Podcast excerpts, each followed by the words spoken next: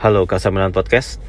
Sepertinya mood dari teman-teman Milanisti lagi lumayan bagus ya sekarang. Di tempat kerja juga kelihatannya lebih banyak senyum-senyum, di sekolah juga atau di kampus juga ya lebih kalem bawaannya. Di kerjaan juga nggak suka marah-marah gitu ya. Karena hasil pertandingan Milan belakangan ini udah lumayan bagus ya di Copa, di Liga dan bukan cuma hasil yang bagus tapi dari proses kemenangan itu juga diwarnai dengan uh, berbagai hal yang menarik ya. Waktu lawan Empoli kemarin tuh ada satu proses gol yang kayaknya tuh bisa diingat terus dan diulang-ulang terus ya. Sebagai Pioli ball. Ya lu perhatiin golnya Ruben Loftus-Cheek uh, yang gol pertama Milan itu. Bola direbut terus abis itu dialirin dengan cepet ya kemudian Reinders ngasih umpan terobosan ke Leao di kiri. Leao akselerasi umpan tarik simple finish dari Loftus Cheek. Itu kan mirip vibesnya dengan golnya Ibra uh, Zlatan Ibrahimovic waktu derby berapa ya? Tiga tahun lalu lah ya. Yang masih di close door itu.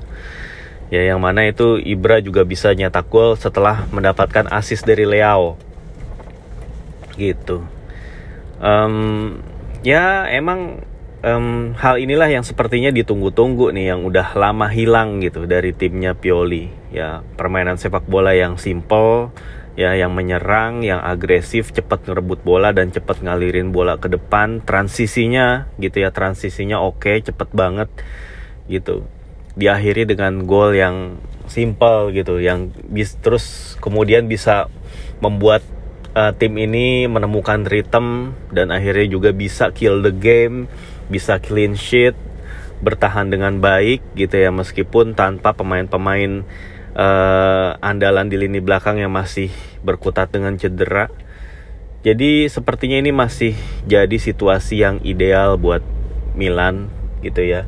Tapi ya kita nggak tahu. Ini um, pas lagi gue uh, take episode ini Milan masih akan bertanding lawan Atalanta di Coppa Italia dan nanti di weekend akan melawan tim kuat Roma ya. Jadi mungkin setelah pertandingan ini kalau hasilnya bagus baru kayaknya sep seperti mengkonfirmasi bahwa emang oh ini tim beneran udah back to rhythm, back uh, bisa lah berharap untuk terus uh, menempel Inter dan Juve di atas gitu ya dan terus menjauh dari peringkat keempat. Dan gue juga dengar kabar kalau Stefano Pioli akhirnya mengamankan posisinya untuk saat ini dan manajemen baru akan um, mengumumkan ya siapa yang akan menjadi pelatih Milan ini ya musim depan pada musim semi ya musim semi itu sekitar bulan April gitulah ya jadi di bulan April itu kan harusnya kompetisi itu udah semakin jelas gitu ya mappingnya seperti apa gitu ya. Apakah Milan masih on track ataukah mungkin udah ada perubahan-perubahan, ada ke arah yang lebih baik atau malah jadi lebih buruk ya. Itu semua tuh akan menjadi faktor yang akan dipakai oleh manajemen untuk uh, menentukan kursi pelatih musim depan. Dan ini juga menarik karena um, ya kemarin kan ramenya tuh rumor uh, Conte dan Mota ya. Tapi latest development Conte makin dideketin oleh Napoli. Ya hal ini juga nggak nggak lepas dari hasil jelek yang dialami uh, oleh Napoli setelah dia ditangani oleh Walter Mazzari. Ya Mazzari yang emang udah senior gitu ya. Kayaknya emang udah nggak bisa keep up aja dengan uh, perkembangan taktik bola zaman sekarang gitu ya. Udah ilmunya tuh udah out of date gitu. Dan De Laurentiis sebagai presiden Napoli itu terus meminta Conte uh, menghandle Napoli. Tapi katanya gue juga baca Conte juga kurang tertarik. Kenapa? Karena ada klausul ya bahwa kalau misalnya enam bulan pertama itu Conte gagal memperbaiki performa atau ya pokoknya uh, gagal meningkatkan performa secara signifikan gitu dia akan dipecat. Tapi initially dia akan dikasih kontrak dulu tiga tahun gitu. Dikasih tiga tahun tapi dievaluasi di enam bulan pertama. Nah itulah yang Conte nggak mau kayaknya. Menurut Conte itu kayaknya nggak nggak apa ya kurang kurang appealing gitu ya proposalnya si uh, Di Laurentiis jadi dia akhirnya katanya masih menunggu Milan. Karena kan uh, Conte berkali-kali bilang bahwa dia tetap pengen ngelatih tim dari Itali. Dan tim dari Itali yang ya tim besar yang belum dilatih Conte itu ya ya Milan gitu ya. Atau mungkin salah satu kandidat lain ya Roma kalau misalnya mereka memutuskan untuk um, memecat Jose Mourinho di akhir musim gitu. Nah terus um, Thiago Mota itu juga kabarnya bolonya ya. Dengan performanya Mota yang bagus dan harapan untuk finish di zona Eropa itu uh, meninggi itu membuat Bolonya tuh jadi punya uh, confidence untuk bisa memagari Mota untuk setidaknya bertahan lagi lah di Bolonya gitu nggak tahu sampai kapan. Tapi memang Bolonya ini adalah tim yang menurut gue paling sesuai sih dengan uh, karakternya Mota dan juga emang pas gitu ya untuk ngedevelop kemampuannya si Tiago Mota karena kan di bolonya itu ekspektasi nggak segede kalau di tim gede ya di tim besar. Di tim seperti bolonya ya manajemennya itu nggak nggak menuntut Mota itu untuk memberikan result gitu tapi cukup lu memberikan progres, memberikan uh, stabilitas, ya oke okay, gitu. Nggak seperti kalau lu di tim tim gede, di mana udah ada tuntutan prestasi harus meraih ini, harus ada di peringkat ini dan lain-lain, gitu ya. Nah terus kemudian um, hasil-hasil bagus yang diraih Milan belakangan ini juga ada kontribusi pemain-pemain yang tadinya tampil kurang oke okay, jadi membaik ya Terus pemain-pemain yang semula cedera juga udah sembuh dan akhirnya udah balik lagi ke top form. Terus ada pemain-pemain juga yang bisa beradaptasi di posisi baru. Terus ada pemain-pemain muda yang memang uh, punya kualitas yang oke, okay, yang bisa main di tim senior gitu.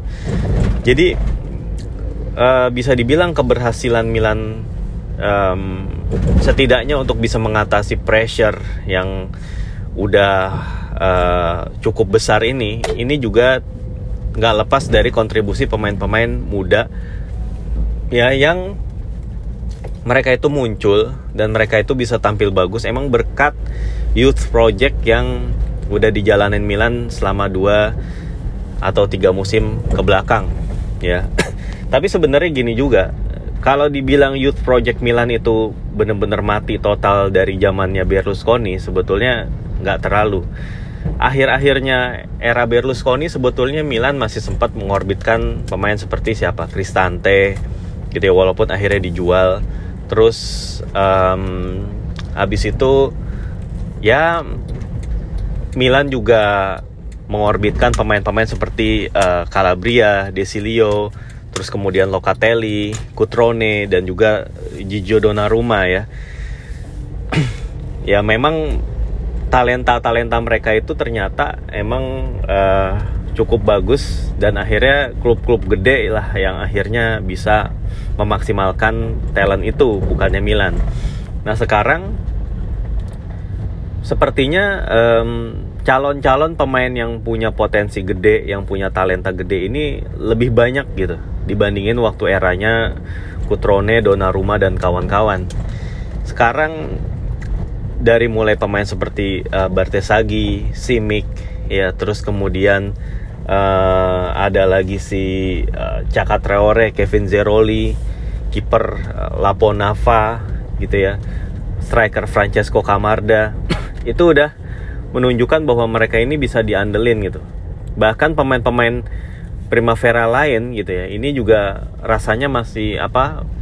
Ya masih bisa dinanti lah, masih akan menunggu kesempatan ya pemain seperti Diego Sia ya winger uh, Hugo Cuenca terus kemudian si Alessandro Bonomi ya gelandang tengah terus kemudian uh, Victor Eletu ya terus kemudian uh, Adam Bokone terus uh, Noah Rivere kiper itu adalah next uh, gelombang atau batch pemain-pemain Primavera yang sekarang ditangani Abate yang sebenarnya udah mulai lurking nih ke tim utama.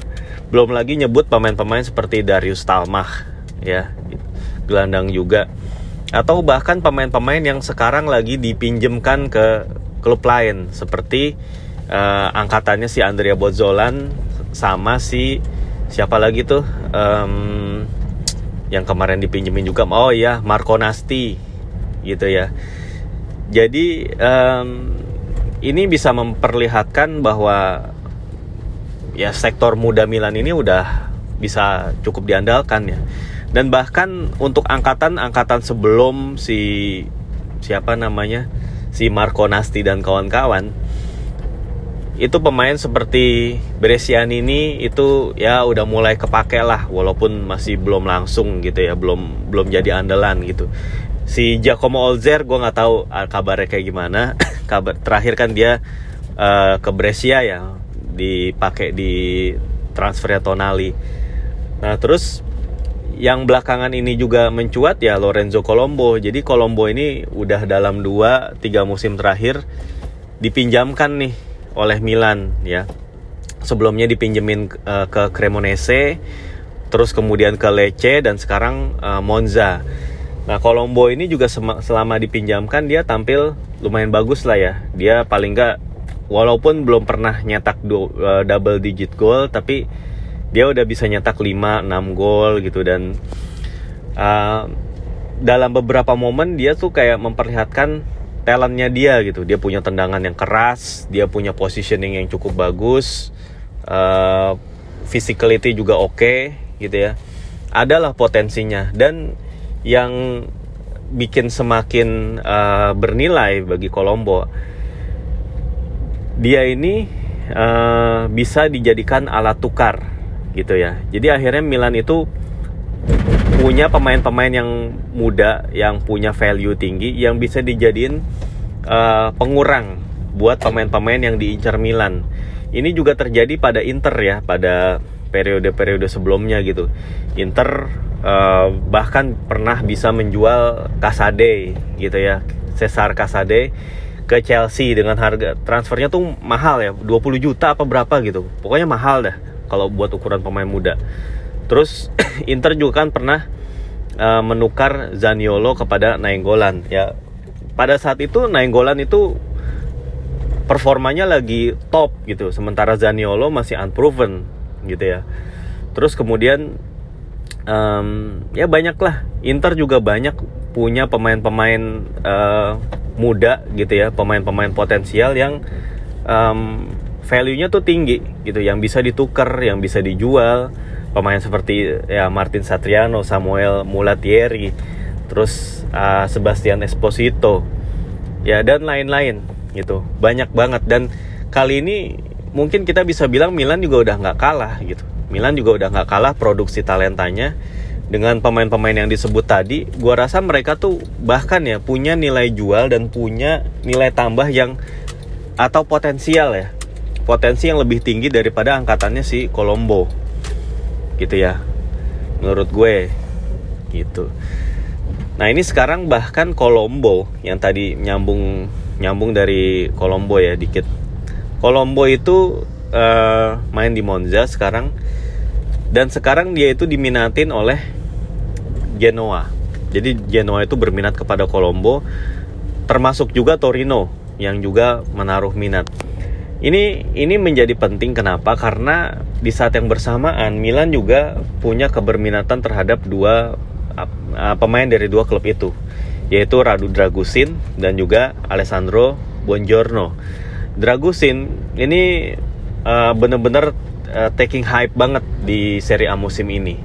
Bahkan uh, dia itu punya stats yang ya agak-agak mirip dengan Virgil van Dijk pada masanya gitu ya di mana dia adalah pemain dengan paling sedikit uh, digocek atau dilewatin di dribble pass gitu ya jadi selain Virgil van Dijk waktu itu kan ya ya pemain-pemain seperti kompani waktu itu zaman-zaman itu itu adalah back-back tangguh yang emang susah dilewatin. Nah, Dragusin ini udah mengukir stats tersebut gitu di usianya yang masih muda, kayaknya masih 20 atau 21 gitu umurnya. Terus Dragusin juga punya uh, atribut yang bener-bener uh, Eropa banget lah, kontinental banget. Dia bisa ball playing, terus dia jago banget tentunya dalam duel satu lawan satu. Dia sangat bagus di udara, gitu ya. Dia bisa main di sistem 3 atau 4 back dan Dragusin ini juga uh, ya kan pernah dididik sama Juve. Jadi Juve uh, yang ngedidik Dragusin waktu muda, gue lupa asalnya dia dari mana sebelum dari Juve nggak nggak sempat baca juga tapi terus kemudian dia dijual ke Genoa musim ini hanya dengan nilai 5 juta euro dan Juve juga megang uh, apa namanya future resale ya 20%. Jadi artinya kalau misalnya Dragusin itu uh, dibeli misalnya 10 juta euro gitu oleh klub lain, Juve dapat 2 jutanya. Nah, ini juga situasi yang berkembang belakangan ini, Dragusin bahkan diminatin sekaligus oleh Tottenham Hotspur dan Bayern Munchen.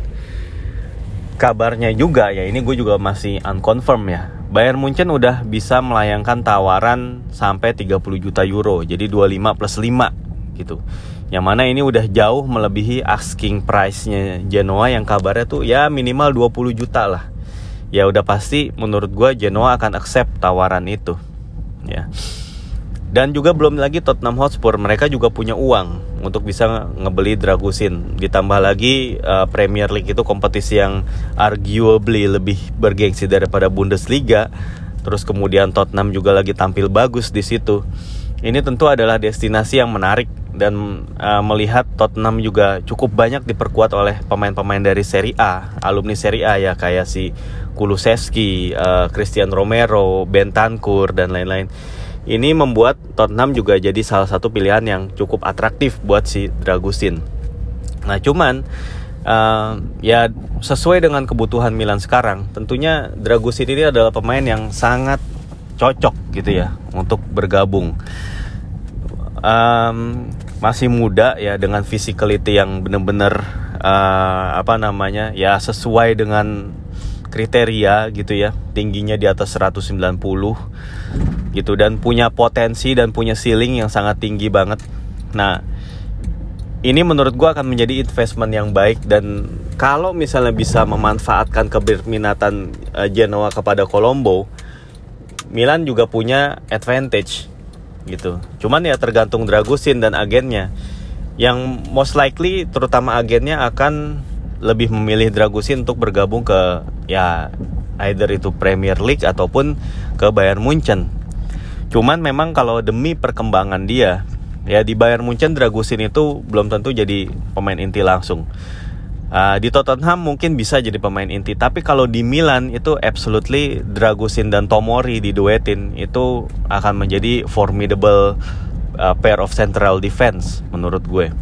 Dan kalau dia bisa lebih wise dan milih Milan yang bisa neken Genoa untuk nerima overnya Milan, nah ini akan menjadi situasi yang ideal. Tapi balik lagi ya sulit menemukan situasi yang ideal itu ya dengan uh, fierce competition dari tim-tim luar Serie A, gua rasa peluang untuk mendatangkan Dragusin ini juga kurang ya nggak terlalu banyak berharap lah, kurang gede lah, gitu menurut gue.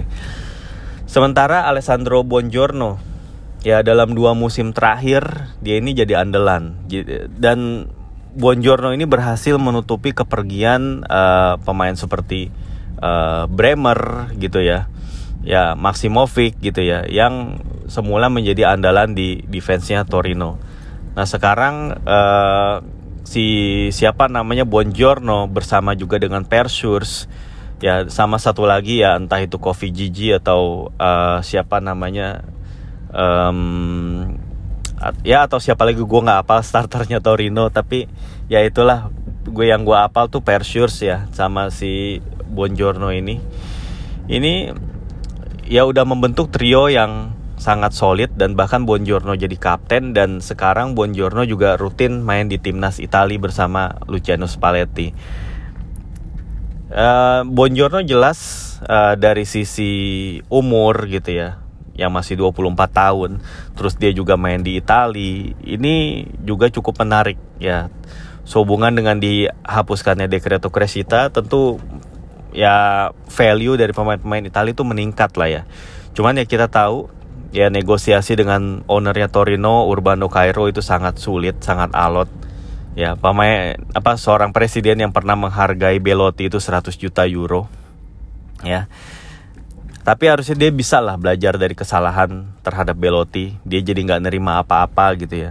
Ya mumpung misalnya Bonjorno itu datang tawaran yang bagus ya gua rasa sih Cairo bisa aja ngelepas. Tapi tentu tetap nggak murah. Gua ngerasa harganya Bonjorno di, di bandrol sama Cairo itu kayak bangsa 35 45 gitu di kisaran itulah. 20 mah nggak dapet.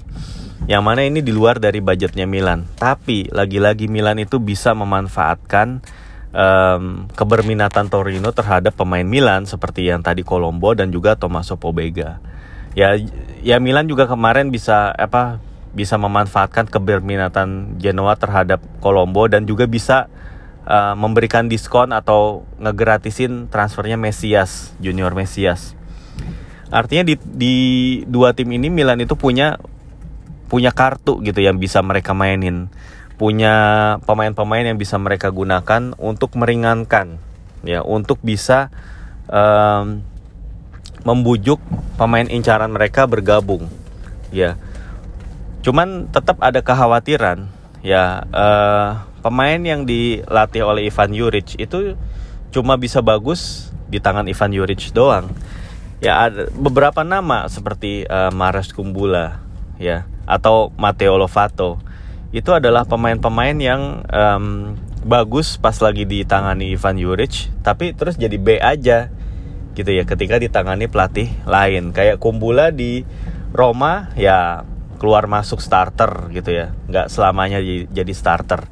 Matteo Lovato yang tadinya dianggap back tengah berbakat tapi ya so far belum kedengeran walaupun ya it's not over yet juga. Tapi maksudnya setelah Eh, nggak uh, ditanganin Ivan Juric lagi ini pemain jadi kurang gitu. Ini bisa jadi memang pemain ini hanya cocok bermain di sistemnya Ivan Juric ketika ditanganin pelatih lain ya belum tentu tapi gua rasa tetap Milan itu dari tim analisnya harus mencoba untuk bener-bener nih uh, menilai ya assess gitu si Buongiorno ini dengan seksama gitu ya karena apa karena kalau ternyata dia beneran bagus dan ini kan tahun 2024 nih akan ada Euro ya. Bonjorno ya kalau nggak ada cedera atau halangan berarti dia akan dipanggil oleh Spalletti. Nah, kalau Bonjorno mainnya bagus di Euro, itu harganya akan makin mahal. Jadi apa pun keputusan Milan, ya mau beli mau apa itu harus cepat untuk diambil gitu. Kalau nggak mau harganya naik. Itu sih poin gue. Nah terus satu lagi uh, ada Mattia Popovic ya yang kabarnya kemarin itu udah ada di kota Milan udah siap untuk melakukan tes dan tanda tangan kontrak tapi ternyata Milan itu masih uh, berdiskusi dengan agennya dia yang bisa jadi ke anggota keluarganya dia ya terkait dengan jumlah komisi. Nah kita tahu kan komisi agen ini emang saksi emang nggak ada yang ngatur besarannya nggak ada yang ngatur batasannya jadi um, agen pemain yang apalagi kalau pemain yang masih muda rata-rata keluarganya gitu ya itu bisa saja emang menggagalkan kepergian atau kepindahan pemain karena ya their greediness gitu kerakusan mereka terhadap duit. Ya mereka pengen komisi yang gede uh, karena ngerasa oh ini pemain berbakat. Padahal si pemain ini ya belum proven gitu. Emang nggak nggak akan make sense. Mattia Popovic itu masih 17 tahun ya pemain dari pemain muda Partizan dan sekarang lagi nggak punya klub. Ya ya tahu sih memang ada keberminatan Manchester City yang mana lu kalau diminatin Manchester City yang juga punya youth sector yang bagus ya berarti you are a legit player gitu tapi ya biar gimana pun tetap se talented talentednya lu gitu. Lu masih umur ya baru turn 18 gitu ya. Dan masih belum pernah main di profesional ya. Lu nggak entitled lah sama komisi yang terlalu gede. ya kecuali kalau nanti gitu ya Popovic udah 22 23 ternyata mainnya bagus ya wajar kalau lu minta sebagian gitu bagian gitu. Nah sekarang kan tapi dia belum ya ini anak masih statusnya wonder kid. Oke okay, bisa dibilang wonder kid talented dan segala macam apa pun itu lalu nyebutnya. The next ini the next itu. Tapi men semuanya tuh masih belum terbukti sampai dia itu tampil di tim senior. Gitu. Nah Popovic sih gue suka ngelihat uh, cara dia main ya kalau dilihat dari uh, highlight.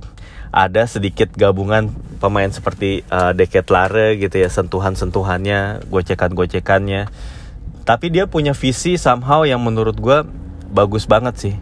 Dia bisa tahu uh, bisa ngarahin bola itu tepat di path larinya temennya gitu ya.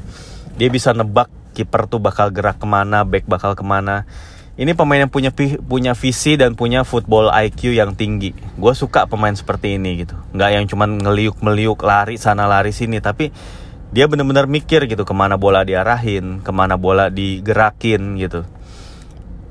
Ya gue suka sih.